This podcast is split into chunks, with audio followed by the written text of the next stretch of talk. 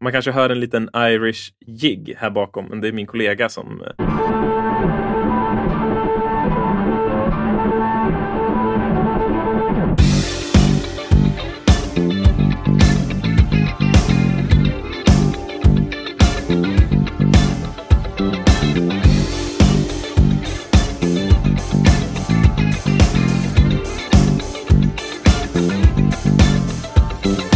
Hej Isak! Hej Isak! Oj, kör lite dubbel här. Är det bra med dig? Ja men det är bra, det är bra. Det här är ju, om vi ska vara lite ärliga här, så det här är ju faktiskt första podden vi spelar in 2023 tillsammans. Det är det. Vi fuskade faktiskt och spelade in förra avsnittet innan årsskiftet. Ja, Ja. men det är så det får vara ibland.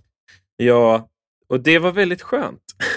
För då kunde vi faktiskt ha lite ledigt. Det var det, det var väldigt skönt. Ja. Men eh, nu är det så här då, eh, he- hej allihopa, vi är Musikpodden fortfarande, 2023. Mm. Och det här är alltså en podd där vi pratar om musik i alla dess former.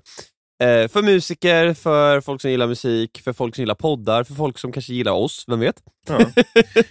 Eller kanske för någon som bara vill bli lite, eller få lite mer kunskap inom ett specifikt område. Ja, eller hur? Och då tänker jag att vi har ju alltid ett specifikt område, så Ja, Zack, v- vad är stråkinstrument? ja vad är stråkinstrument?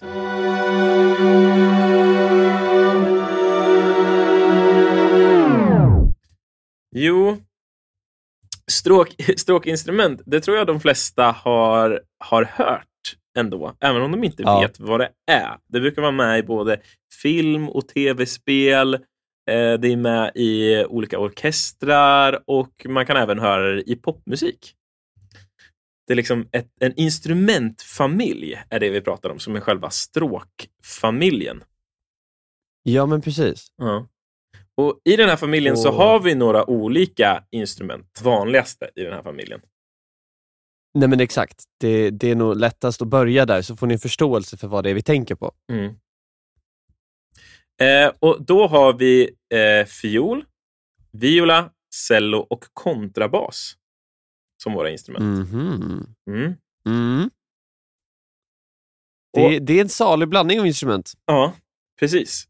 Och Varför det är så många instrument är precis som när vi pratade om eh, brassinstrument. Eh, och när vi pratade om sådana här gamla orkesterinstrument så, så är det ju så att vi försöker fylla ut hela registret. Och Mm. Det vi menar då är ju att, eh, som vi har pratat om hertz förut, att våra öron kan ta upp från 20 hertz till 20 000 hertz, så har vi ju då i våran våra noter så har vi ju olika klavar som vi fyller ut de här instrumenten med. Då, så att vi fyller ut allt från bas till, Mm. till, eh, eh, till tenor eller till treble. Ja, verkligen. Men det är ju det. Och det är ju det, är ju det här som vi tänker då det här visuellt, så kan vi säga så här, första förklaringen när vi går igenom alla dem samtidigt, kan vi tänka så här, om vi ska stapla dem ovanpå varandra som en macka typ. det är ett sätt att tänka. Eh, Och Det är alltså egentligen då en av de avgörande faktorerna, då, det här med 20-20 000 hertz, är alltså vilka, vilken grundton de olika instrumenten har. Mm. Och de är olika höga då, vart de ligger som bäst. Och Då kan vi tänka att vi, om vi gör en macka av det här så blir det fiol, Mm. viola, cello och kontrabas. Mm. Då har vi ett ganska bra register, som Zack sa. Ja. Och då gick vi uppifrån och ner Så- nu, så att kontrabasen Eh, blir du längst, längst ner på mackan, så att det inte blir några frågetecken. Precis. Ja. Exakt. Så mackan är bas, längst ner, Yes. och högst upp är det här. Exakt.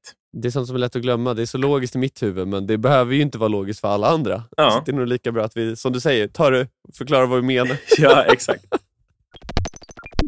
Eh, om, om vi tar då liksom vilka, vilka specifika klavar de här har. Om vi börjar då, vi börjar kanske nerifrån och upp tycker jag.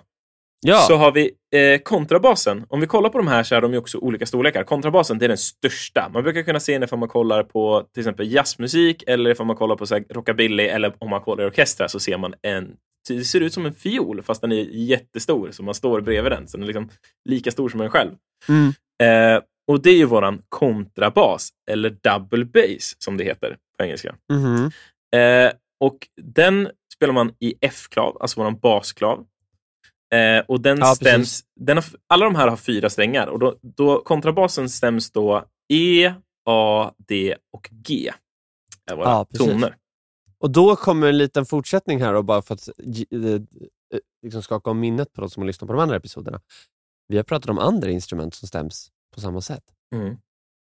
Och då menar jag gitarrer och bas. Exakt, så en kontrabas är ju liksom föregångaren till den vanliga basen. Som, de stäms likadant Precis. och man eh, liksom, eh, intervallerna är ju längre eftersom att basen är större, så man får hoppa lite mer med fingrarna, men de, de, de är ju tekniskt sett på samma ställen. Liksom så. Precis, och något annat kul att notera där med basklaven alltså, och kontrabasen är att den, den klingar ju en oktav under. Mm. Så om vi spelar, nu blir det lite nördigt, men om vi säger att vi spelar ett C2 på pappret, då spelar vi alltså ett C1 Mm. på bas. Alltså en oktav under. Yes. Konstigt koncept. Eh, och, och varför vi känner liksom att det är viktigt att behöva förklara det, det är för att nu när vi då går in på nästa steg på den här mackan så kommer vi till våran cello. Och cell, Exakt. cellon ser ju liksom ut som en kontrabas, fast mycket mindre. Och den, den brukar man sitta Mm. på en stol eh, och ha mellan benen eh, och spela. Eh, och den då är ju fortfarande i våran basklav, alltså våran F-klav, men är stämd då C, G, D och A. Så det är ett lite högre register på den. Precis, och där är vi inne på en annan sak. Nu sa vi C, G, D, A. Mm. Och där så stämmer ju inte längre det jag sa. Och det om någon här älskar intervaller så hade ni bara sagt, men nu, nu är det ju inte samma, nu är det inte kvarter. Det här är ju kvinter.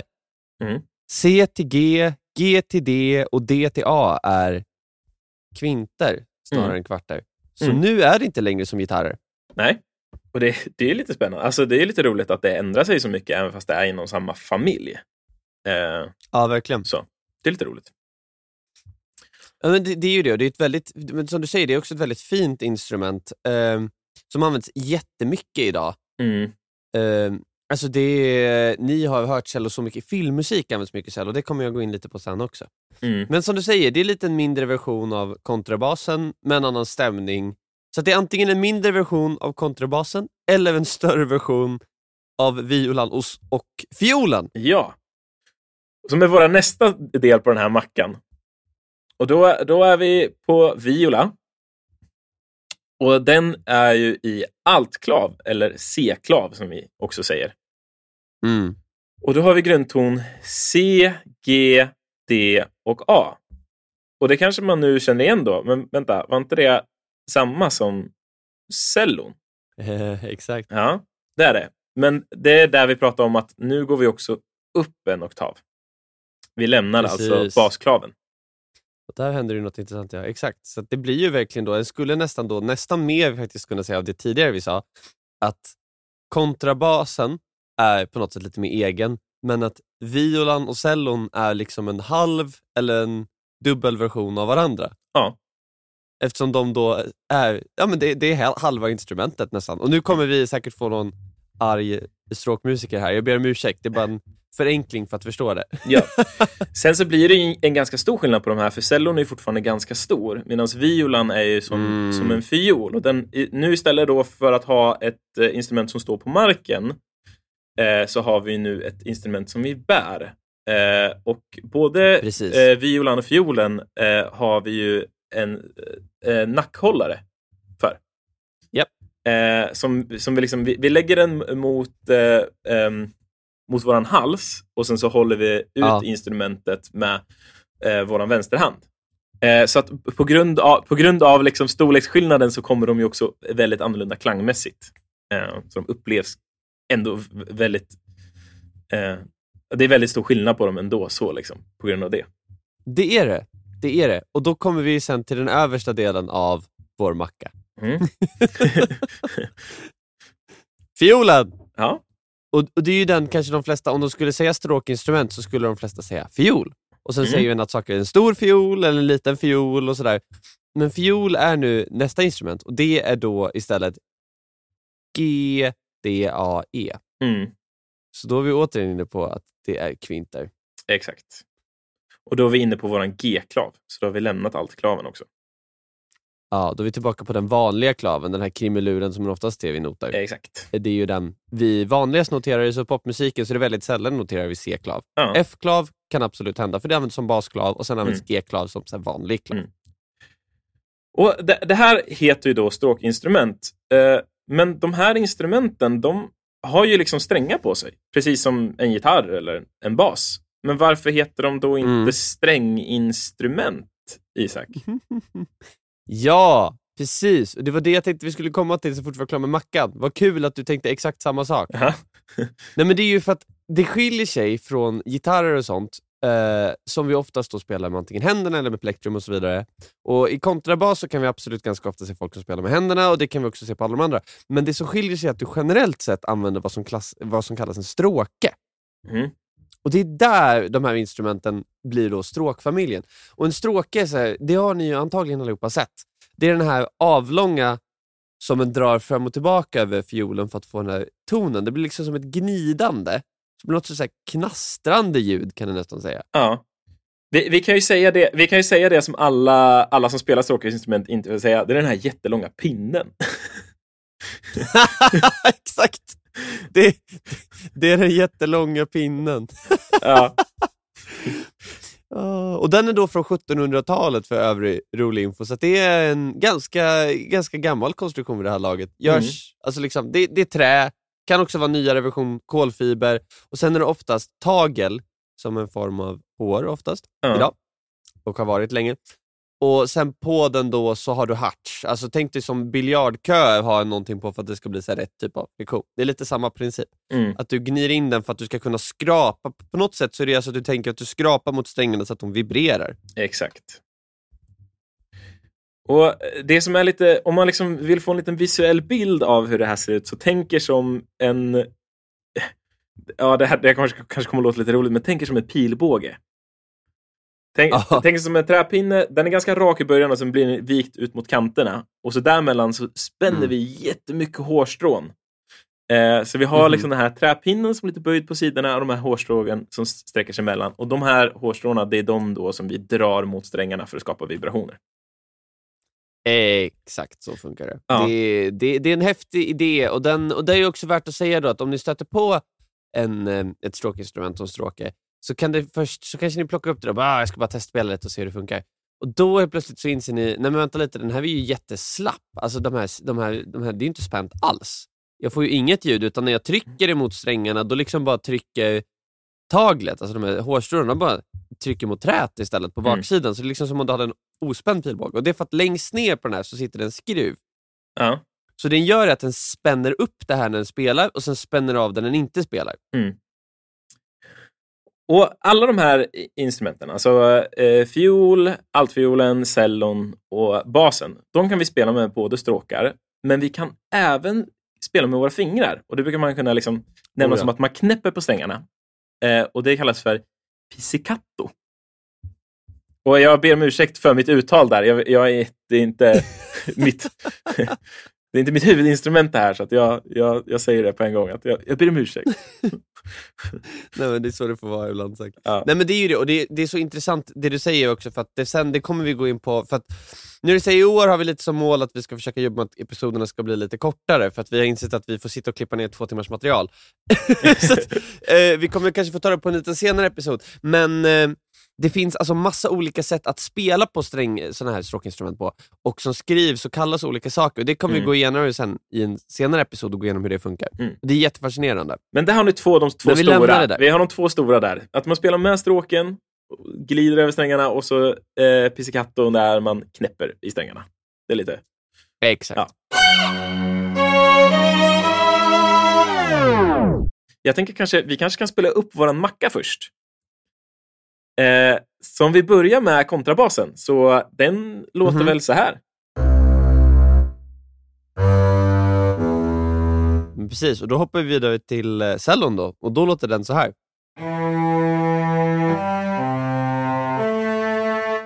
Och sen går vi vidare och då är det viola. Och den låter så här.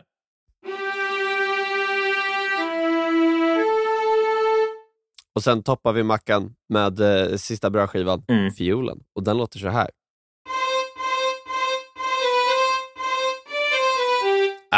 Vilka fina instrument. Stråk är otroligt fint. Fantastiskt. Mm, det är det. Mm. Det är verkligen det är, det är häftigt. Speciellt i, i, i grupp, när det är många stråkar. Ja. Det, är, det är så stor, extremt stor skillnad mellan en stråkinstrument och hundra. Vi, kanske, vi kanske kan Ja. göra så här nu. Hur låter den här mackan tillsammans? Coolt. Det är fränt. Det, det är väldigt fränt.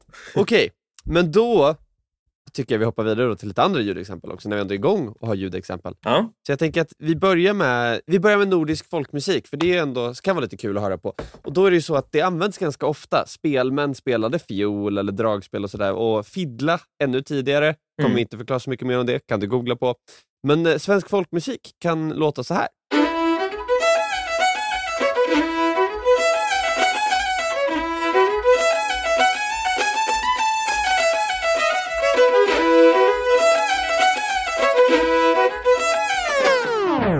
Coolt. Smidigt. Ja. Och sen lite klassisk musik då. Om vi använder det här i klassiska sammanhang, då kan det låta så här.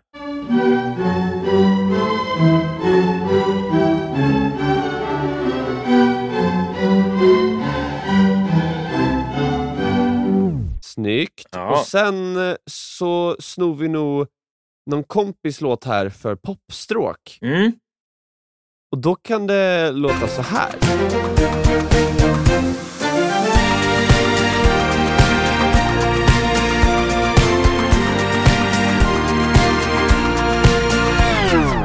Yes, så detta stycket var skrivet av Carl-Johan, alltså Tornberg och Marcus Sundvall.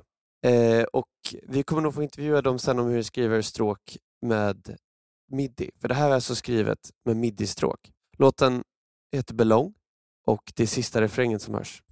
Fränt. Fint. Då har ni, har ni hört lite olika varianter av stråk här och ser att det finns ju ändå en väldig bredd i det här. Mm. Och då, då just popstråk, då har vi ändå visat lite så här, och då kan vi se att det finns ju antagligen, jag vet inte hur mycket ni tänkt på det, men ni har nog hört ganska mycket stråk även om ni bara lyssnar på pop. Ja, ja det, det är ju ett sånt där instrument som smyger sig in lite i alla, alla musikstilar. Eh, Exakt. Så att man kanske inte alltid tänker på det, men de finns alltid där. Precis, och då har vi exempelvis ett så här klockrent exempel som vi bara båda två sa att det måste vi ha med, är ju Alexander Rybak. Var ju med i Eurovision. Ja, vilken dänga. Exakt. Mm. Och det var väl också en av de få gångerna på lite extra info som faktiskt det spelades på riktigt. Ja, För att det ansågs vara ett melodiinstrument och de flesta gångerna annars alla andra instrument är fake. Eh, men eh, det var på riktigt. ja. Nu har vi, nu har vi spoilat hela Eurovision för, för eh, alla här, men ja, det spelas ju Förlåt. oftast inte på riktigt. Nej, tyvärr. Men har vi några andra så svenska artister då, som eh, använder stråkmusik?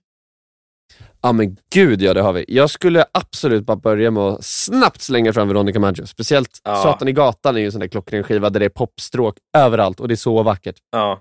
Ja, precis. Alltså, hela majoriteten av hennes låtar har ju väldigt fint stråk. Eh, hennes tidigare grejer produceras väl också av eh, en till som jag tänkte på, som Oskar Lindros, som också använder väldigt mycket stråk i sin musik och de Mm. som han producerar Mm. för. Mm. Nej men exakt, det är också ett väldigt bra exempel. Sen måste jag nästan, det har vi inte skrivit med, men Sinai Bosei Ja. hade ju en låt som var typ bara stråk som en poplåt för ett Mm. tag sedan. Också grymt exempel. Ja. Men, men du, Zack, och så finns det ju en sak vi måste nämna när vi är inne på stråk och pratar pop och modern musik. Ja. Filmmusik. Ja. Det är så mycket stråk i filmmusik. Ja, och här är det faktiskt så. Här ska jag sno en liten, eh, ett litet quote här som min, eh, min kollega eh, Katarina har satt upp på sin dörr som är stråklärare på skolan jag jobbar på. Stråk i film, det är svårt att komma bort från. Det är värme och emotionalitet som kan vara svårt att få till på något annat sätt. Och det är från Johan Söderqvist, filmmusikkompositör. Men det håller, jag, det håller jag med om, att det fyller ju verkligen en... Vi pratade om effekter innan och det som händer när du har flera stråk är att det blir en form av korus. Du Mm. kan liksom fylla ut tonen på ett annat sätt än att det bara är en ren ton. Det är liksom inte en sinuston längre som är en ren ton, utan det, är, det finns en bredd och ett, en fyllighet och värme i det som är väldigt, väldigt fin. Och kan skapa, och också kan vara väldigt hemskt musik. Typ, eh, vi Ja. tänker eh, Psycho. Mm. Eh, det finns så mycket, stråkar kan både vara jättemysiga, jätteledsna och jätteläskiga. Ja, exakt. Häftigt instrument på det sättet. Jättehäftigt. Och sen nu, nu du, när vi säger filmmusik så måste vi också säga tv-spelsmusik. Ja, Om ni lyssnar på det kommer ni höra också väldigt mycket stråk. Mm. Det, det, det fyller många funktioner, även modernt. Fast jag tänker att det kanske, åh, vissa kanske tänker att det är så ut, utdaterat instrument. Jag behöver bara gitarr eller jag behöver bara syntar. Ja. Men eh, lyssnar den på det så hittar den stråk på fler ställen än den tror.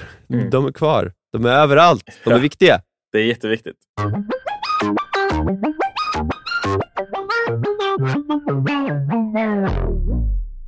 Ja, ska vi, ska vi snabbt Isak bara gå igenom lite så olika delar eh, som man har på ett sånt här instrument? Ja, men det kan vi göra. Så alla de här instrumenten, de har oftast de här delarna. Och det är precis som vi pratade om när vi pratade om gitarr och sådär, att vi har kropp och hals och huvud och så. Eh, men de heter lite annorlunda. Så om vi börjar från toppen och går till botten eh, på ett stråkinstrument, så börjar vi längst upp eh, på vad man kanske skulle kalla som eh, som stränghus eller, eller stränghuvud så har vi en liten snäcka och på sidan, för att kunna stämma, skruv, eh, stämma strängarna, så har vi strängskruvar, eller stämskruvar. Eh, så kommer vi ner till sadeln som håller strängarna på plats, så att vi då på halsen, på vår själva greppbräda, då kan trycka ner toner så att vi kan, eller trycka ner strängarna så att vi kan ta våra toner. Mm. Sen har vi kroppen, och kroppen då har uppe på sig ett lock, på sidan har det en sarg och på baksidan så har den en botten. På framsidan, på själva locket, så har vi också F-hål. Det är de här fina krumelurerna som, som är utskurna i, i själva kroppen på våra stråkinstrument eh, för att hjälpa till med klangen och också hjälpa till med, med ljudet. Mm. Eh, sen precis som i gitarr så har vi ett stall för att hålla upp strängarna. Vi har stränghållare eh, och till skillnad från många andra instrument, och det här gäller faktiskt bara på två av de här, på cello och på eh, eh, våran kontra, Mm. eh, så har vi ett stackel längst ner. Och det är en pinne som man kan höja och sänka beroende på hur lång man är och hur man vill sitta eller stå med sin kontra. Eh, så man kan anpassa längden. Nej men exakt. Mm. Det är där- ganska skönt. och där finns ju då också, det är lite roligt, om man ser då de som spelar cello, eh, brukar man ju se när de eh, sitter på sina stolar så har de två snören som går till en pinne som de sätter ner och det kallas för stackelstöd.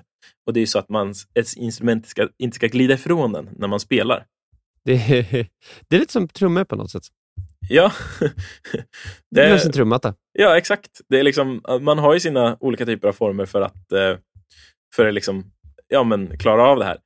Eh, och, och alla, liksom, om vi kollar då, till skillnad från, från stackelstöd eller det, så har ju även liksom, eh, fiolen och, och altviolen har ju också eh, ett, typ, ett, eget redskap och det är axelstödet som gör att man kan hålla, hålla sitt instrument på sin axel utan att behöva använda armarna. Det är bra sagt. Du har betydligt mer koll på det här instrumentet än mig, hör jag. ja, eh, jag kanske har koll på de delarna. Historiskt har jag väl kanske inte jättebra koll på det här instrumentet.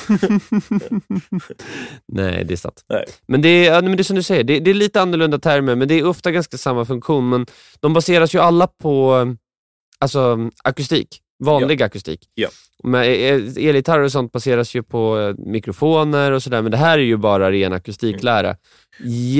Jätteintressant hur det träslag påverkar, vad strängen är gjord av påverkar, hur gammal instrumentet påverkar. Så det finns massa parametrar sen för hur det faktiskt låter. Och vi kan ju slänga in där lite snabbt att det finns ju också el, eh, elstråk. Ja, precis. det Både, ju kommit. alltså från hela, hela mackan, från eh, kontran till fiolen. Liksom. Eh, Exakt. så så har, vi, har vi elvarianter av dem också. Det och det är jättecoolt. Eh, jag har kört det med, med några av mina elever, så hade vi rockkonsert där, eh, där vi körde en elfiol genom pedalbordet och så fick han köra solot eh, på eh, Shut Up and Dance var det faktiskt. Eh, vi spelade. Ja, men vad kul. Ja. Ja, och så vet jag att det finns en eh, elektronisk eh, kontrabas också, kallas elbas. Ja, det är ju det. Nej, nu, nu, nu skämtar jag. Ja. Eh, men det blir ju det.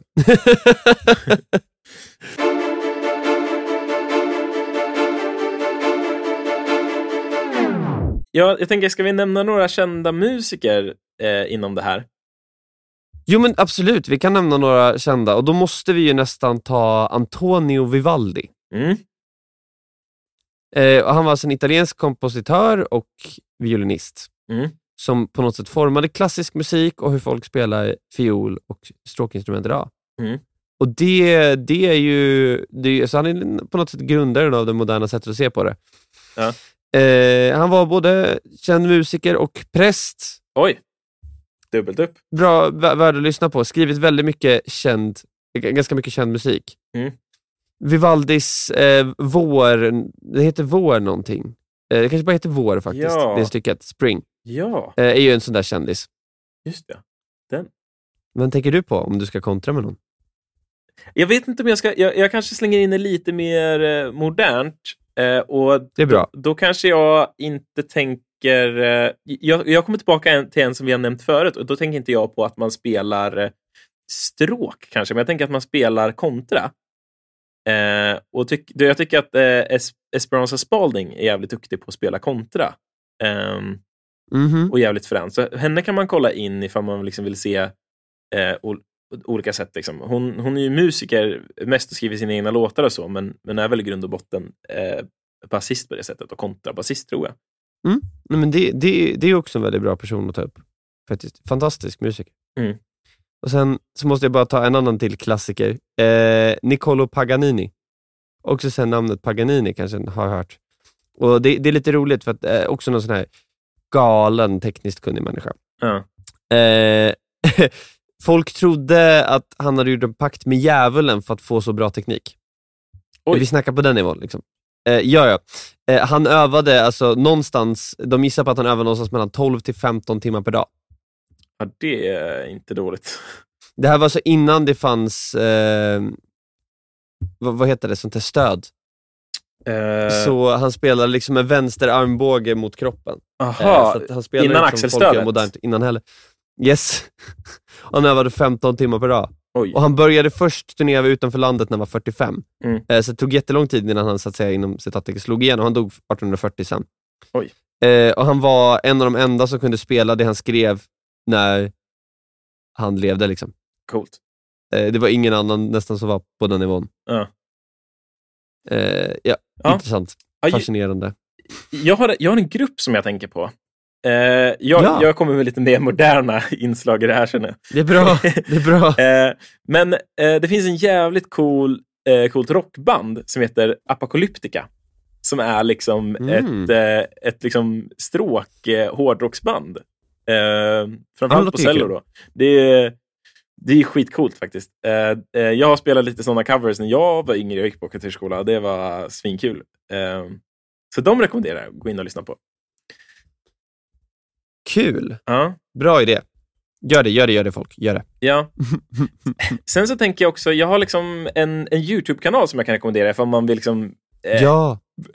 några som kanske är lite mer experter på det här än mig och Isak med stråk, som också eh, gör lite skämtsamma videos om det här och, och lite så. Och det är Two Set Violin, heter Mm, just det, YouTube-kanalen. de är ju jättebra. Ja, och det är liksom två stycken eh, då, violinister som, eh, som både eh, liksom kollar på videos när, när eh, folk spelar och kommenterar det och spelar själva och eh, gör lite historiegrejer och kollar, kör lite versus battles på kompositörer, vilket är lite roligt. Så jag rekommenderar den YouTube-kanalen. Den är, den är cool.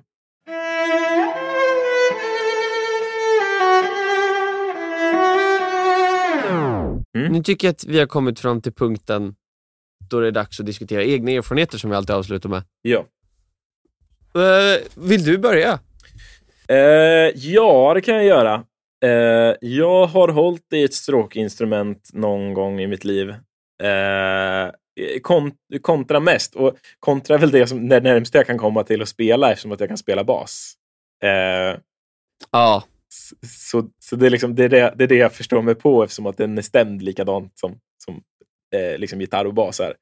Eh, när det kommer till Ja. de andra, då är jag lite mer lost. Jag, jag har lite svårt att se, se om jag får en, en, liksom, eh, en fiol i handen så har jag lite svårt att se vart jag ska ta tonerna på en gång. Jag, jag, då måste ju liksom börja tänka till teoretiskt. Okej, ja, det- då blir den tonen där och sen så kommer skalan här. Då. Alltså, det, Och det låter nog inte... Ja, det blir lite mer att göra. Ja, det, och det, det, det har aldrig låtit bra när jag har hållit i en sån. Det är jäkligt svårt att spela. Eh, och framför allt för att de har ju inga band. Exakt. Eh, de är bandlösa, så man måste liksom intonera med Ja. örat själv. Liksom. Eh, så jag är jätteimponerad över de som spelar fiol. Och de är också lite känsligare med ostämda instrument har jag märkt än eh, kanske vad vi andra är. Ja, nej, men det blir ju så tänker jag när den har alltså, inga band. Ja, liksom, det, de, de får ju liksom öva på att höra det på ett helt annat sätt jämfört med kanske att man spelar bas eller gitarr där liksom. man trycker ner bandet och det hjälper en. Hjälper en liksom. eh, men, men det brukar Precis ju så. inte... Jag kommer ihåg att min syster började spela, när jag började spela trummor började hon spela fiol. Eh, och eh, inte att hon inte var så duktig så, men det är ju framförallt tills man börjar få intoneringen så låter det ju inte jättebra kanske. Nej, Det är väldigt gnissligt. Och det gör det ju tyvärr inte. Nej, och det är väldigt mycket teknik redan från början som man måste få till. Att man inte ska, man ska försöka se Mm. till att inte dra stråken över alla strängar utan bara få till det på en sträng och sådär. Ja, det är lite, det är lite klurigt. Det är lite klurigt. Har du någon erfarenhet? Ja, alltså jag skulle ju säga så här att jag har ju testat att pilla lite. Morfar har ju spelat fiol, min lillebror spelar cello och sådär, så att jag har ju testat att spela lite. Jag tycker det, är, det känns jättehäftigt att spela på stråkinstrument. Mm.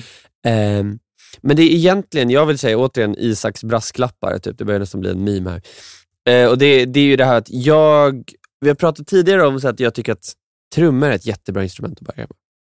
Men det jag kommit fram till, ju mer jag filosoferar om vilka instrument tycker jag att, okej, du vill bli superduktig musiker, var ska du börja? Då skulle jag nästan säga, du ska börja med trummor, sång och stråk. Ja. För då tror jag att den, du blir en supermänniska. För det är så här, stråket ger ju dig, som sagt var inne på, ger ju gehöret. Alltså det ger ju det här att förstå vart en ton är, förstå intervaller mellan toner. Du får ju liksom allt det här musikteoretiska, de här som bara så här kan lyssna och bara, ah, men det var dur trean fast det var moll trean i skalan och sådär. De människorna, det är ju många, jag har träffat väldigt många stråkare som gör sånt där Mm. utan att liksom verka ansträngda. Och Det märker jag inte på många andra instrument. Och så trummor ger dig den rytmiska grunden så att du förstår pattern och förstår att göra saker med olika kroppsdelar samtidigt och att öva in olika mönster på ett Mm. extremt jättebra sätt. Mm. Och sen rösten är ju bara rösten. Det är ju grunden till allt och när du ändå då övar att kunna intonera intervaller på stråk så kommer det vara fantastiskt att kunna göra det med rösten också. Ja. Så att det, om, om man tar tag i de tre instrumenten, då tror jag att den kan hoppa på vad som helst sen. Det tar lite tid att lära sig, men då förstår den allting. Mm. Det är min gissning. Jag, jag tror ju framförallt att det är att det inte finns några band. Att det är bandlöst. Att det är att Ja. om du rör eh, ett finger någon millimeter fel så blir det en sur ton. Och det blir svårt att hitta vart du ska Exakt. vara. Till skillnad från även liksom våra andra Eh, eh, liksom klassiska orkesterinstrument, eh, liksom hela brassdelen och sådär och, och träblås och så. Det är ju liksom att man trycker ju ner en, en knapp eller, eller eh, vad det nu heter. Jag kommer inte på vad det heter just nu, men du trycker ju ner någonting för att ta en ton. Så det är liksom ändå en...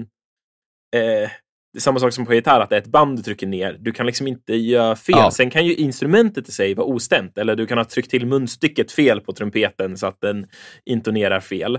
Men då är det det. Det är ju inte riktigt att du, du trycker fel med fingret och sen så blir det fel ton. Eh, och närmsta, fattar. det närmsta man kan komma där tror jag på liksom brassinstrument, det är också eh, alltså, trombon.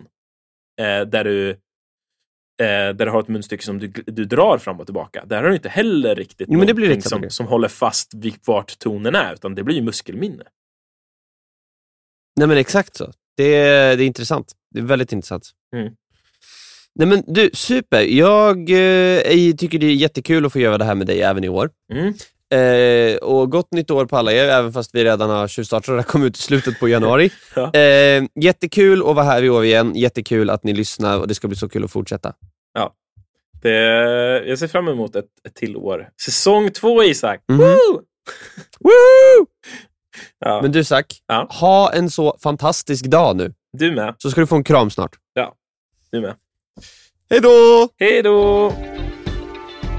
Ja, då var vi klara för den här gången i Musikpodden. Vill bara säga tack för att ni är här och lyssnar. Är det någonting som vi fick om bakfoten eller har ni några extra frågor till oss så är det bara att skriva antingen på Instagram, at musikerpodden, eller till vår mail, musikerpodden gmail.com. Hoppas ni har det fint där ute så hörs vi snart igen. Ha det gött!